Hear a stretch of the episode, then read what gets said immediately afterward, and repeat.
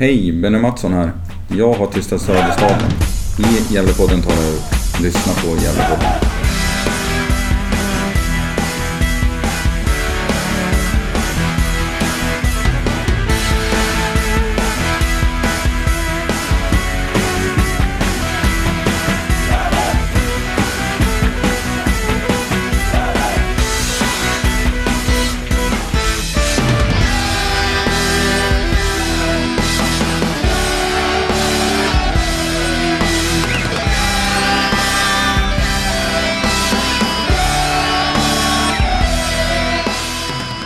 Säger vi varmt välkomna till Gävlepodden 236 i ordningen.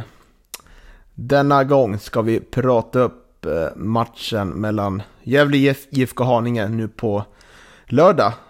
Och eh, vi ska göra det genom att ta lite koll på hur IFK Haninge vill spela fotboll och hur vi tycker Gävle ska ta sig an matchen. Och det är som vanligt jag, Niklas Backlund och Johan Norrström som sitter och, eh, och babblar lite. Och det vart du och jag igen. Ja, härligt. Ja, Ja, det är roligt att podda. visst är det det. Och eh, först då, vad tycker du om den ovanliga matchstartstiden klockan 19.00 på lördag? Ja, det, det var ju lite udda. Har vi någon förklaring till varför det är så sent? Nej, det har vi väl inte. Jag kan väl anta att Sportexpressen som sänder matchen kanske vill sända så många matcher som möjligt under dagen. Ja, jo, så kan det ju vara förstås. Eh, Det är till och med så att tv börjar styra i division 1-fotbollen i Sverige. Det, det går framåt. Ja, Verkligen. dock vet jag inte om det är så bra att de styr. Nej, det är så. Man brukar väl eh, naturligtvis reta sig lite på det i, titt som tätt sådär. Så är det ju. Eh, Det var ju inte, vi var ju inte jättelyckliga över att det var fredag kväll exempelvis uppe i Hudiksvall. Nej, kanske efterhand var vi. För att då slapp vi sitta i och gråta på vägen hem. Ja, det- just det. Det var ju tur att vi kanske slapp åka upp ja. Mm. ja. Ja, ja, men eh, IFK Haninge då? Vad, vad får du för känsla när du, när du hör det namnet? Ja, en oerhört eh, imponerande säsong förra året, första säsong i, i division 1. De var, det var väl deras, eh, det är ju en ganska ung klubb, så det var väl det, så här högt upp har de väl aldrig legat i, historiskt sett. Så att eh, eh väldigt eh, imponerad av Haninge. Eh, förra säsongen smög lite under radarn så där och eh, ja, hade ju otroligt målskytte i, i bland annat Koffi där, kommer jag ihåg. Eh, Nu tappar jag namnet på den andra, kommer du ihåg vad han hette? Marian Kosic som spelar Ja, i. BP nu. Ja, precis. Bara gratulera BP. Absolut. Och eh, Ashley Coffey gick ju till AFC United. Mm, ja, det stämmer. Mm. Ja, de är verkligen eh, visar ju många i ettan förra året hur man kan spela en sprudlande och eh, eh, mål, målglad glad fotboll. Det lär man ju säga. Ett lite mer rakt spelande IFK Haninge egentligen än vad man är van att se. Det är ju väldigt många lag och det är väldigt inne med possession-spel och sådär men, eh, men IFK Haninge eh, spelade lite rakare och var ju otroligt giftig i sitt omställningsspel. Mm. Och kan vi ta lite info om föreningen då? Eh, man, faktiskt ganska ny förening. 2004 bildades, bildades man och eh, jag läste från deras hemsida att det var fyra killar som ville skapa en förening då. Så de skulle ligga i framkant och vara nytänkande. Eh, och jag citerar fortfarande där, inte förening där man bara kastar ut en säck bollar till några vilsna föräldrar. Ja, det är ju underbart. Ja, och eh, ja, då bildades IFK Haninge den 10 oktober 2004. Och man gick ju samman då med Brandbergens IF 2012. Eh, Så eh, man behöll ju namnet då IFK Haninge. Och eh, mm, vill man eh, veta lite mer om IFK Haninge kan man lyssna på vår intervju vi gjorde med Omar Moggi som ligger på vår Patreon eller Eller så ligger du ute på tabelltippningen när vi pratar om IFK Haninge. Det var ju du som gjorde den intervjun va? Ja, exakt. Mm. Och han, eh, han eh, vet du det, hade lite roligt åt oss över vår tabelltippning där. Eh, var, väl, var väl lite extra nöjd över att få knäppa oss på näsan naturligtvis. Så han, eh, han var lite retsam i den intervjun, men med all rätt. Jag tycker han, han hade all rätt att vara lite kaxig. Ja, det var ju lite roligt med det där med vilsna föräldrar och, och bollpåse. Eh, jag känner mig väldigt träffad. Jag har ju själv varit en sån i min i min eh, äldsta flickas, när hon spelade fotboll. Så att, eh, ja, det, det, det, det, träffade mig lite. Det är kanske tur, kanske tur att hon inte spelar längre. oj, oj, ja. ja. De har ju spelat sex matcher då, likt många andra lag i den här serien. Och eh, har gått lite blandat sådär. Börjar med att slå Hudiksvall med 2-0. Sen eh, storpisk mot Karlstad med 5-1. 1-0-vinst eh, mot Täby på hemmaplan. Eh, 0-1 förlust mot Umeå. 4-1 förlust mot BP och eh, 2-1 förlust mot Piteå. Och jag har ju faktiskt sett eh, två av deras matcher. Jag såg dels första halvlek då, kan man ändå säga, senast mot Piteå. Och så såg jag hela matchen mot Umeå. Och man uppträdde lite olika i de här matcherna tycker jag. vi går väl in lite på deras anfallsfotboll då. Varför såg du bara för ena halvleken mot Piteå? Ah, jag orkar inte se den andra. slött. Det var. Ja, ja det, var, det var lite bildproblem också. Visst var det så? Ja, första kvarten fick, gick inte att se. Uh, så det var lite, ja. Nej, en så såg jag klart först och kände jag nej, nej nu orkar jag inte se med fotboll där. Men uh, ja, så kan det vara. Man slarvar ibland Johan. Ja, exakt. Eh, jag är inte lika disciplinerad som dig. Nej, nej, precis. Jag sitter igenom, genomlider eh, 0-0 matcher i, i, i 90 minuter utan, utan att klaga, det vet du. Mm. Och eh, ja, men vi går väl in lite på, på anfallsfotbollen då. Jag tycker att i matchen mot Umeå så, så var det ju det var Umeå som hade det stora bollinnehavet då och eh, man valde lite annan approach den matchen utan man slog mycket långa bollar mot deras, deras ersättare till Marian Kosic får man säga. Det är ju Alegi Sosse som han heter. En stor och stark anfallare, otroligt duktig på huvudet. Och eh, man försökte då slå, en, slå lite bollar mot honom och sen få ut bollen till kanten och slå inlägg därigenom. Eh, och i den matchen så var man ju nära att eh, få in en kvittering. Men man missade faktiskt eh, straffen där. Kommer inte ihåg vem som missade straffen, om det var han. Nämnde Sosse, men... Man gjorde inte bort sig tycker jag, den, den matchen i alla fall. Men eh, hemma då, mot Piteå häromdagen. 4-2-3-1, likt många andra lag i den här serien tycker jag. Eh, försöker spela sig igenom eh, mycket. Och eh, det som slog mig, det var ju att eh, man har ett ganska bra passningstempo. Så man, man kan hålla ganska högt tempo när man väl får till spelet. Och eh, liknande tendenser att man gärna vill slå igenom passningen genom lagdelarna. Så man spelar ändå ganska svårt tycker jag. Men man gör det bra periodvis mot Piteå. Vilket gör att man lyckas skapa ett, ett tryck. Eh, som är väldigt, väldigt fint. Och, det finns ju en del lag i den här serien tycker jag som, som kan spela otroligt eh, fin fotboll men som har, som har, har svårt att skapa målchanser. Eller vad säger du?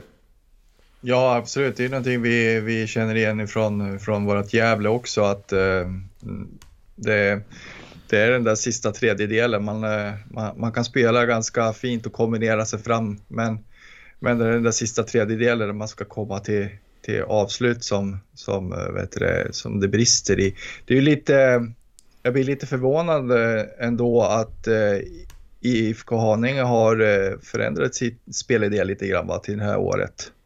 Mm. Med tanke på hur framgångsrik man var med, med det spel man hade förra säsongen så blir jag ju lite förvånad att man, att man gör den här förändringen. Och kan du ta lite för våra lyssnare, hur ville man spela förra året tycker du?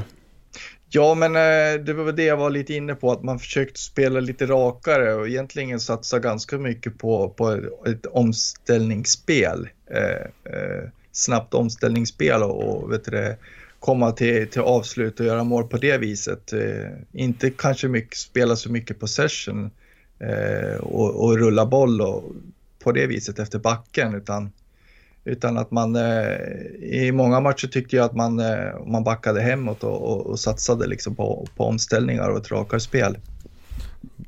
Det känns som man har liksom man har valt lite olika approach i de här matcherna tycker jag i alla fall. Att man, man spelar, så kommer kanske spela ett mer, ett mer bortaspel där man, där man ligger lite, lite eh, mer, mer bakåt och eh, försöker liksom slå upp lite längre bollar och få fast bollen där och sen gå, att gå undan lite.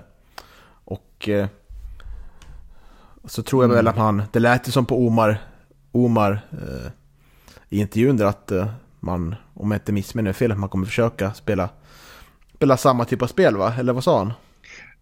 Ja, alltså eh, som jag minns det så, vet du, så var han väl öppen för och trodde att det skulle bli lite förändringar och det kan ju naturligtvis bero på vilka spelare man har i spelartruppen och vilka man värvar och, och sådär och vilka kvaliteter får man in och sådär. Det, det kan ju hända att den här truppen man har till den här säsongen kanske inte passar att spela som man gjorde förra året utan man var tvungen att göra en förändring. Mm, det tror jag.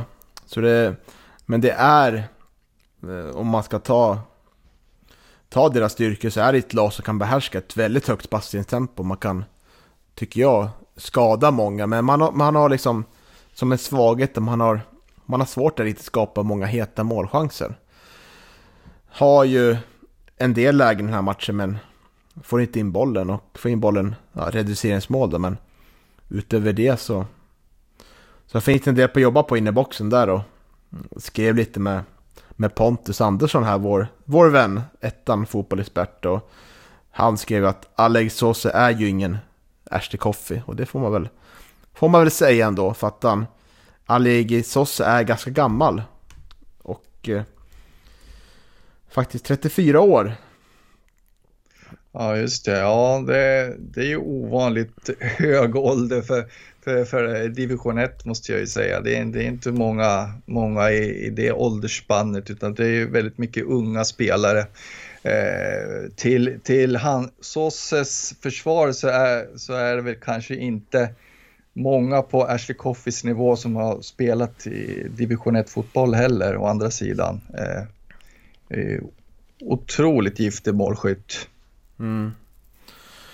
Och eh, det är ju en svaghet också att han finns ju inte kvar. Och eh, man har ju tappat, tappat mycket mål från, från förra årets Haninge som, som ska ersättas. Så det är inte så lätt. Mm, du som har sett matcherna då, vilka spelare i IFK Haninge tycker du är det som har imponerat? Ja, de har ju en trio där framme. Det jag tycker Sosse är ju, han är ju en bra, bra targetspelare framförallt och kan användas där väldigt effektivt. Och eh, det är väl lite bekymrad över. Vi har ju sett hur bra Hammarby TFF klarade av att göra det. Slå längre bollar på, på deras anfall och då var ju inte Hammarby TFFs anfallare jätteskräckinjagande i storlek, eller hur? Nej, det, var, det är ju inga, var inga resliga herrar direkt och eh, man tycker ju rent kilomässigt så borde ju Gävlesbacka kunna stå upp ganska bra där. Mm, och då är ju Sosse en betydligt mer starkare spelare så det, det är ju en spelare som är lite, lite orolig över hur vi kommer att hantera. Sen har de ju två nyförvärv från Sollentuna. Eh, det är ju Dider Rashidi. Eh, har ju otroligt fin eh, fin kvalitet med sin passningsfot och en bra kreativ spelare. Och Eyasu Alemaggio, också från Sollentuna gjorde 12 mål förra året. Så det finns kvalitet där bakom. Det gäller bara att eh, få till det. Så det, det, är väl de tre jag skulle, skulle nämna. Mm. Mm. Ja, men Ali Sosa har ju, tycker vi kan stanna lite på honom, han har en otroligt eh, lång karriär och många olika klubbar i Sverige och lite i Norge också. Han har faktiskt spelat i Hammarby 2007-2009. Dock bara nio matcher, men har även erfarenhet från Landskrona Boys, Akropolis, Syrianska, IK Frej. Så han har varit runt mycket och eh, har brutit lite kontrakt. Han representerade tre olika klubbar under 2020. Varav, han har också varit i Vietnam och... Eh, ja, just det ja. Just det, det där Grace Tanda var firad eh, storstjärna. Ja, intressant. mm, Mm, hur gick det för han i Vietnam då? Har du någon statistik på, på honom där? ja, åtta matcher, noll mål. Dessvärre. Ja, ja, ja det imponerade ju inte. Nej, men alltså det är väl just det, alla dessa eh, lagbyten brukar ju inte varsla om något gott helt enkelt. Så är det ju. Det finns ju alltid en orsak till att man, att man byter klubb så ofta. Ja, visst är det så. Och senast han gjorde mycket mål var ju eh, 2018 när han spelade för Assyriska. Han gjorde ju över, över 10 mål då. Eh, jag försöker kolla fram vilken serie det var. Division 1 norra var det då också. Så det, han kan ju det här med att göra mål i serien. Mm. Mm. Mm. Och eh, ja, ska gå in lite på... Eh, ska gå in lite på vad vi, vad vi tror om matchen mot Haninge? Ska vi ta det lite från hur Gävle bör ställa upp laget? Ja, absolut, det kan vi göra. Jag tycker väl att de eh, eh, ska väl ställa upp som, som de har spelat nu de sista matcherna tycker jag. Att Man, tycker man ska fortsätta med sin trebackslinje och eh, eh, fyra på, vad blir det på fem på mitten då och så eh, Nej, fyra på mitten och, och tre i anfallet. Mm, 3-4-3. Ja. det har varit jobbigt med matten där, herregud. Ja, jag förstår det. Det är inte lätt med... Nej, svår, svårt att få ihop. Mm, Räkna, räkna ut det där. precis, men du, det är ingen fara Johan. Eh, Jag har inte med dig för att du är bra på matte. Nej, exakt. Nej, det var, jag får skylla på åldern helt enkelt. Ja, och eh, när vi spelar in där så vet vi inte riktigt skadeläget på de sex man som var borta senast då. Men vi vet att Amadou Calaban är avstängd. Föga förvånande, får man säga. Ja, det var, den hade vi väntat på ett tag nu. Mm. Men vi vet ju att det är illa med våfflan. Det, honom kan vi nog räkna bort redan nu. Ja, så är det. Vet, det, det, det jag hörde senast är väl att det, det kanske kan vara slutspelat helt och hållet. Mm. Har ju gått två veckor nu och det fortfarande känner av det så det... Det kanske gör att vi får leta efter en ny mittback. Ja, exakt. Eh, det, är väl kanske inte var det man främst eh, skulle vilja vet du, det, eh, fylla på med i truppen kan jag tänka mig. Men eh, det kan mycket väl bli så att man får, man får leta en mittback också när, när transferfönstret öppnar i sommar här. Och Nils Eriksson kommer nu inte spela heller. Och då har vi alternativet där på den här trebackslinjen att antingen sätter vi in Theodor Hansemo som också är ett osäkert kort. Har inte varit på bänken nu på, på två matcher tror jag. Eller så flyttar vi ner Albin Louis Kangas. Kan inte se riktigt att man vågar ta in en Emin Gadzo exempelvis. Nej, exakt. Och han har ju också varit utanför truppen i eh, vissa matcher. Oklart varför, om han inte har platsat eller om han har några skadekänningar. Men, men eh, nu vet jag inte hur det var i senaste matcherna. Var satt han på bänken då? Mm, ja, kan jag inte på rak, rak hand här säga. Men han är väl inte aktuell för startelvan oavsett va? Eh, nej, Eller? nej. Jag tycker att det blir ju lite synd att vi inte får ha eh, Louis Kangas där efter kanten med, med tanke på att det fungerade så bra i inledningen här mot, eh, i senaste matchen mot, eh, mot Hammarby. Att, att, att han kommer löpande där efter kanten och får den där långa bollen. Eh.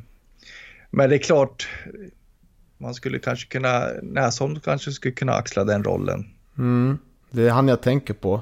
Så det, att det är ju den spelaren som får spela väldigt lite och eh, det här skulle kunna vara hans eh, chans att verkligen få komma in i startelvan och eh, få visa eh, visa att han verkligen är en man för, för att spela från start. Ja, han har ju väldigt intressant och kanske egentligen lite vassare eh, eh, Alltså han är lite vassare när det gäller att utmana en mot en än vad Louis Kangas är och eh, det skulle vara kanske intressant att se, se Näsholm i den rollen som, som eh, vad heter det, Louis Kangas har spelat i nu då. Senaste två matcherna. Mm. Och det man får då det är ju det blir ju lite tyvärr att säga att man får inget djupledsalternativ som Albin Louis är väldigt duktig på. Utan man får ju snarare en spelare som gärna vill ha bollen eh, på fötterna så att säga. Och gå in med banan. Så eh, Det är ju det är skillnad på en spelartyp som Nisse Nilsson som, som är lite mer lik Albin Louis på det sättet. Vill, eh, vill gärna dra mycket löpningar sådär. Så, ja, det, kommer, det finns ju det kommer bli trångt där inne då. Ehm, så vi får väl se om det, om det kommer gynna eller inte gynna oss i den här matchen. Vad tror mm. du? Ja, det, det, är svårt. Ehm, men eh, jag tycker väl att eh, jag tycker väl att Näsholm, eh, han kan ju faktiskt hålla kanterna och jag menar får han tydliga instruktioner så, så borde han ju kunna, kunna hålla en kant och, och liksom komma i de där djupledslöpningarna och få den där långa bollen då från, från Granat. Eh, jag tycker ju att det finns alla möjligheter och jag tycker ju att jag tycker ju ändå att eh, han var rätt duktig på det förra säsongen när han liksom fick chansen att spela ut på kanten. Mm. Ja, det är, inte så mycket andra eh, troliga alternativ eh, ändå utan det beror ju, beror ju lite på hur, hur status är på Sutsu där om man, om man tänker att man flyttar över antingen Nisse eller, eller Sutsu på vänsterkanten. Det är också ett alternativ. Ja, jo det är det ju. Mm. Eh, intressant. Eh, är det bara en magsjuka det handlar om så, så ska han väl kunna träna den här veckan. Mm. Ja, en gode, gode Chucho som är, som, är, som är så skadad och, och vet du, sjuk hela tiden. Jag tycker nästan lite synd om honom. Eller jag tycker synd om honom. det gör jag. Ja. Nej, men, ja. Jo, men alltså tanke på hur bra han var första halvan av förra säsongen och sen så, så vart han ju skadad och sjuk då också. Så hade han en lite tyngre höst och man hade liksom sett fram emot och hade hoppats på att, eh, att han eh, skulle vara riktigt eh, liksom fit for fight när, när, när säsongen börjar. Men liksom, det har fortsatt och haft otur med både skador och sjukdomar. Jag tycker att det är lite tråkigt. Mm. Jag håller med. Jag skrattade mest åt att du sa tyckte nästan synd om honom först. Ja, ja, ja jag, jag, tycker synd om honom. Ja, det är bra. att han blir ledsen. Nej, det tror jag inte. Ja, annars är det inte så mycket alternativ att uh, Eh, fundera på där inne i mitten. Utan det är ju Erik Granath och Karlsson som är, är skadefria då. Om inte Sebbe Sandlund kommer tillbaka från skada. Säga. Det får vi väl ändå hoppas på, på sätt och vis för att uh, vi, vi, behöver vi behöver tillbaka i, i truppen och, och, och, få en lite bredare bänk helt enkelt. Det är väl det är väl kanske Sebbe Sandlund som ligger närmast till av de här som är skadade, va? skulle jag tro. Jag vet som sagt inte staten på Hansemon då, men, men äh, ja. Mm. Nej, jag skulle väl, jag skulle gärna se att, äh, att äh, även om Sebbe Sandlund är, är fit for fight så ser jag gärna att Oskar Karlsson startar med något. Jag tycker att han växer in i det här. Gjorde väl inte en lika bra insats nu senast som mot, mot Umeå då, men Mm, jag tror att den här matchen kommer, matchbilden kommer passa han ganska bra. Och eh, ja, vad säger du om där? Hur vill du formera ett, ett innermittfält där, där de här tre är skadefria? Ja, då eh, är Sebbe Sandlund eh, skadefri så tycker jag nog att han ska starta bredvid Erik ändå.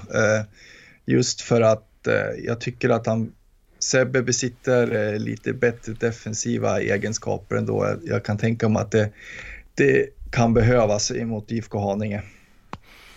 Mm. Och slutligen då, där framme. Jag är lite inne på, även om, om Hjälte kommer och är, är fit for fight för starterna, så tycker jag att han ska, ska börja på, eh, på bänken ändå. Som jag tycker att Isak eh, gjorde en bra insats senast då. Pontus vet ju vilken potential han befinner sig på när han är som bäst. Men han är ju lite ojämn Jag tycker att det... Han är, han är en viktig pusselbit bland här framme. Att hitta de här små ytorna och kunna, eh, kunna få in giftiga bollar. Eh. Ja, så två, två mål i vet du, två matcher i rad också. Det, det känns inte som att det är läge att, att, att peta honom då. Eh, även om han är lite ojämn i spelet och försvinner emellanåt så, så, så känns det som att han behövs på planen. Eh, eh, så jag är inne på, på samma linje som dig. Jag tycker väl att den här trion som, som spelade mot Hammarby även ska få starta mot Haninge. Mm, härligt att vi är överens där. Ja. Mm, och den troliga matchbilden då? Jag ser mig framför en match där, där vi har mycket boll, Gävle IF hemmaplan, som vanligt. Eh, och eh, där Haninge nog kommer, kommer försöka pressa oss i rätta lägen när vi försöker spela upp bollen och kommer vi ligga ganska lågt i när vi väl kommer över, över deras planhalva. Eh, och jag tror att de kommer försöka spela ett, kanske lite mer, ett, eh, vad jag vill kalla borta matchspel. Lite längre bollar upp på, på Sosse där framme, men även försöka med giftiga passningar genom lagdelarna. Så, ja, det ska bli otroligt spännande match. Och, vad tror du själv? Är det den, den matchbilden vi har att vänta? Jo, men det, det är väl ganska troligt. Eh, naturligtvis. Eh, det är ju så, Gävles spelidé går ju ut på mycket bollinnehav så att det är väl eh, ganska rimligt att tro att eh, det är det man kommer försöka sig på i alla fall. Eh, sen så, som du har inne lite på, så har ju IFK Haninge försökt ändra sin spelidé lite till den här säsongen så att det kan ju, det kan ju bli intressant att se eh, om de om de också försöker eh, eh, rulla boll efter backen lite mer än vad man har gjort tidigare. Mm, för nu har vi ett läge där vi på bortaplan har, har fyra av fyra av sju poäng. Eller fyra av nio poäng blir det såklart. Ja, precis. Jag började också tänka matematiskt här, jobbet. Och på eh, hemmaplan har vi ju, där har vi faktiskt bara en poäng. En avgjord och två förluster. Och Uh, nu börjar det bli, eller det kan ju börja bli att det blir ett hemma, hemmaspöke här. Ja, det klassiska hemmaspöket, det där, det där känner vi ju igen sedan tidigare och det har vi diskuterat tidigare i podden. Att eh, man har svårt att prestera på, på hemmaplan. Eh, mm eh, och där har vi försökt analysera vad det beror på, men men eh, ja, det, det, är fina förhållanden också samtidigt på, på Gavlevallen. Det, det är ju många lag som kan, de kan ju spela sitt spel. Eh, det är ju liksom inte ett torftigt naturgräs liksom i, i Sollentuna utan det, det är ju jämnt och fint och, och liksom på, på, på Gavlevallen så att eh, det finns ju alla förutsättningar även för motståndaren att spela bra fotboll om, om du förstår vad jag menar. Man har inte mm. någon man har ingen egentlig fördel av, av, av att ha hemmaplan. Mm. Och eh, vad, vad, är den, den magiska eh, formen till att vinna mot Haninge då? Ja, alltså man vågar, man, den är chansen när man uppkommer, att man vågar gå på avslut tror jag. Eh, och inte liksom lämnar över ansvaret till någon annan och liksom försöker hitta passningsalternativ hela tiden utan att har man ett läge så måste man skjuta. Eh, för, eh, för jag tycker ju att, jag menar chanser har man ju skapat. Man skapade ju ganska mycket mot, mot Hammarby här sist och, och faktiskt en, en hel del mot Umeå också så att det är just det där sista eh, att man måste våga gå på avslut, tror jag. Mm. Ja, absolut. Och jag tror att en sån här match där kommer liksom inte ett djupledsspel vara vårt främsta hot. Eftersom som Albin är, kommer, kommer väl få spela eh, mittback då, men då har vi samtidigt ett väldigt eh, eh, fin fot där som kan slå de här passningarna som Eh, som kanske kan, kan våga ta för sig, gå lite, längre fram i banan. För våra mittbackar hamnar ju oftast väldigt långt fram och har ju ofta yta att gå på. Som, ja, det är väl Calabane som, som är bäst på det, att gå fram med bollen några meter innan han slår passen. Och, eh, där tror jag Albin Lukangas kan, kan göra stor skada mot Haninge. Att våga gå 5-10 meter framåt om det är öppet och däremellan kanske hitta ja, Axel Näsholm eller, eller Pontus Jonsson som, går, som gärna går in i banan och därifrån kan slå, få fram en, en pass i en fin yta till våra anfallare. Så det kan ju också vara en nyckel här att Albin får verkligen får komma lite längre med i banan och eh, då kommer, kommer Haninge kanske inte räkna med att, eh, att han får använda sin fina vänsterfot. Men så jag hoppas verkligen att det är något man, man trycker på. Mm. Ja, sen så behövs det ju en eh, stabil defensiv insats naturligtvis också. Att Man, eh, man behöver nog ligga lite tätare eh, ifrån eh, från backarnas sida. Eh, Man var, man var lite väl passiv och låg lite långt ifrån eh, Hammarbys eh, anfallare i, i den här senaste matchen tycker jag. Eh, Mm. om man, det, det räcker med att man ger en, någon en extra meter så, eh, så man behöver tajta till sig där bak också. Framförallt då, som du säger, när man har Allergi Sosse längst fram där som är lång och, och kraftfull och sådär och att eh, det gäller att ligga rätt på honom och vara lagom tuff och ligga nära. Mm, precis, och där skulle man ju haft en Calabane som verkligen får visa vem som bestämmer. Mm, ja, det ska bli intressant att se vem som, vem som får eh, vad heter det, stångas med, med, med Sosse där framme. Ja, det blir Tim Markström kanske som flyger fram där som mannen Neuer. Ja, exakt. Han får göra någon sån här eh, kamikaze-utrustning eller någonting. Ja, alright. Då hoppas att ni har fått lite, lite bättre då, förståelse för hur den här matchen kan komma att spela sig. Och det kan ju mycket väl bli så, det kan mycket väl eh, bli så att det blir en helt annan matchbild. Det vet ju bara gudarna, som man brukar säga, eller hur? Ja, så är det ju. Det var väl kanske inte riktigt eh, när vi pratade senast, senaste motståndarkollen när vi, när vi pratade om eh, Hammarby TFF så, så var det väl inte riktigt den matchbilden som vi förväntade oss stå inför som det, som det vart sen heller utan eh, allting är öppet i den här serien och vad som helst kan nästan hända känns det som. Och det som är viktigt för, för vår del det är att vi börjar, börjar få med oss mycket poäng nu i matchen. Utan, Ehm, det räcker ju inte med att ta en poäng på hemmaplan utan det måste ju bli tre poäng och bygga upp ett starkt hemmaspel för att det här ska kunna bli en säsong att eh, ja, man kommer väl inte komma ihåg det tror jag på ett positivt sätt. Det, det är väl lite negativt kanske men kanske även lite realistiskt men det, det känns som det tåget kanske har, har gått redan. Eller vad tror du? Ja, jo, så är det ju. Alltså det, med den känslan som man gick in i säsongen, den, Eh, den har man ju inte längre naturligtvis. Utan man får ju liksom, eh, eh, man får tänka om. Jag tror att både vi supportrar och, och, och även laget får tänka om och det kommer att bli, det kommer att bli krig här framöver helt enkelt. Men men det är ju så, det, det är de här tre poängarna som måste ramla in och då, då kan det ju gå fort. Jag vet ju, jag har ju sagt det tidigare också, Sollentuna är ju ett sånt exempel som gick väldigt tungt i början av förra säsongen, men som, som eh, ändå var med och krigade den absoluta toppen när, när de sista omgångarna skulle avgöras. Mm.